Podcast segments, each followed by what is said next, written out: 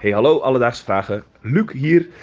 Ehm, ja, het is weer bijna 4 mei en dan zie je bij sommige oorlogsmonumenten een eeuwige vlam branden. Ehm, ik vroeg me af, waar komt die vandaan en brandt die vlam echt eeuwig? Alledaagse vragen. NPO Luister. Dankjewel Luc uit Tilburg voor je vraag. Ja, vandaag is het natuurlijk dodenherdenking. En in het kader daarvan kregen we ook de vraag van Luc binnen over die eeuwige vlam bij monumenten. Bijvoorbeeld het graf van de onbekende soldaat, daar brandt vaak een vlam. Maar is het dan een beetje vergelijkbaar met de vlam vanuit ehm, van de Olympische Spelen? Die Ah, nou kijk, daar dacht ik dus ook aan toen ik dit aan het uitzoeken was. Want eh, ja, eh, de Olympische Spelen, daar brandt ook een vlam. Een, een groot evenement met een, eh, met een vuurtje. Ehm, ik heb het eventjes uitgezocht, maar daar heeft het dus blijkbaar niks mee te maken. Nee? Nee. Oh. Ik kwam wel achter iets anders, namelijk dat de Olympische vlam, dat het eigenlijk een moderne uitvinding is en die alleen bij de moderne Olympische Spelen hoort. Ja. Nou ja, ze hadden natuurlijk bij de vroegere Olympische Spelen in de tijd van de Grieken hadden ze ook wel vuren ter ere van de goden. Maar dat het echt de hele tijd brandt tijdens de Spelen, dat is een modern iets. En dat idee, dat is dus een Nederlandse uitvinding. Echt waar? Ja, het is bedacht door de architect Jan Wils bij de Olympische Spelen van 1928. En waarom heeft hij dat dan bedacht? Ja, dat vond hij mooi. Dat er altijd vuur zou branden. Ja, of nou ja, altijd vuur. Het was eigenlijk de bedoeling dat overdag er een grote rookpluim te zien zou zijn, omdat dat beter zichtbaar was dan vuur overdag. En dan zou dan s'nachts, dan zou het vuur branden. Dus een kort eh, lesje geschiedenis over de Olympische vlam. Maar daar gaan we deze aflevering niet over hebben. Nee, in deze aflevering besteden we aandacht aan de oorsprong van de eeuwig brandende vlam bij oorlogsmonumenten. En om dat uit te zoeken belde ik met Henk van der Beek. Hij is als coördinator veteranenzaken al jaren betrokken bij een monument in Nederland waar ook een eeuwige vlam brandt, namelijk het Vrijheidsvuur in Wageningen. Dus Henk, hoe zit het? Waar komt toch die traditie van de eeuwig brandende vlam vandaan? Ja, dat is al een oud gebruik. Dat hebben militairen heel vaak in het verleden gedaan.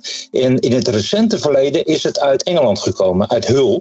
Daar is de, de maarschalk Montgomery, die eh, zeg maar de vredesonderhandelingen heeft gedaan in Duitsland. Die heeft in 1948 eh, wederom een bezoek gebracht aan de stranden van de Mandië. En met name het kleine stadje Bayeux. En daar heeft hij toen zeg maar die vlam aan die mensen eh, overhandigd, een vlam, om het vuur van de vrijheid intact te houden. Daar komt het eigenlijk een beetje vandaan. Dus we hebben het eigenlijk aan de Engelsen te danken. Oh, thank you, English people.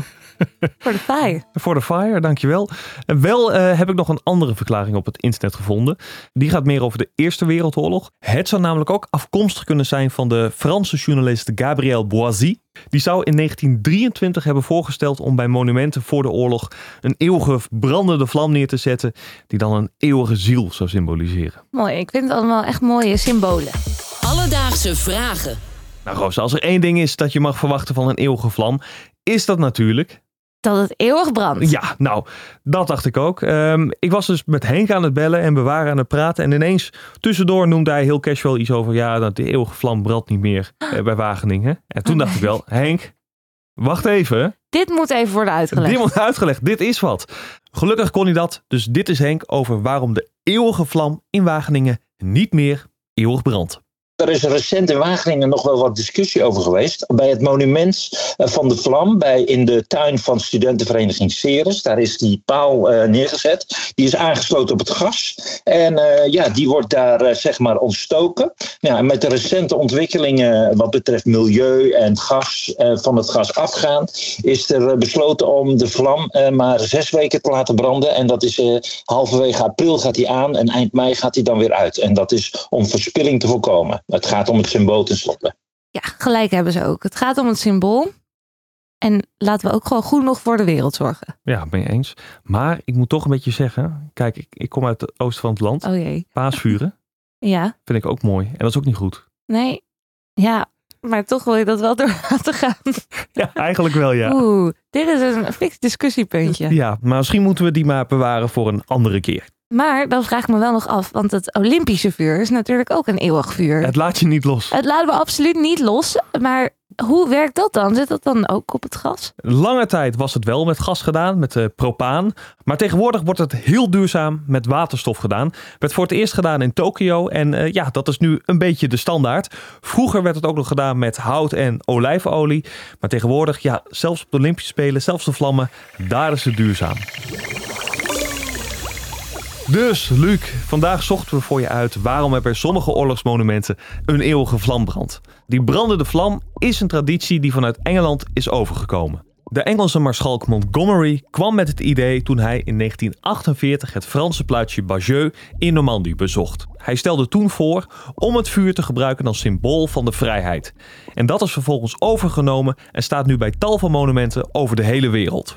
Heb jij ook een vraag? Stuur ons dan een berichtje op Instagram. Dat kan naar Alledaagsvragen. Of stuur een mailtje naar alledaagsvragen.bnnvara.nl en dan zoek het voor je uit. En wel stil zijn, hè jongens. Alledaagse Vragen. NPO Luister. BNN Vara.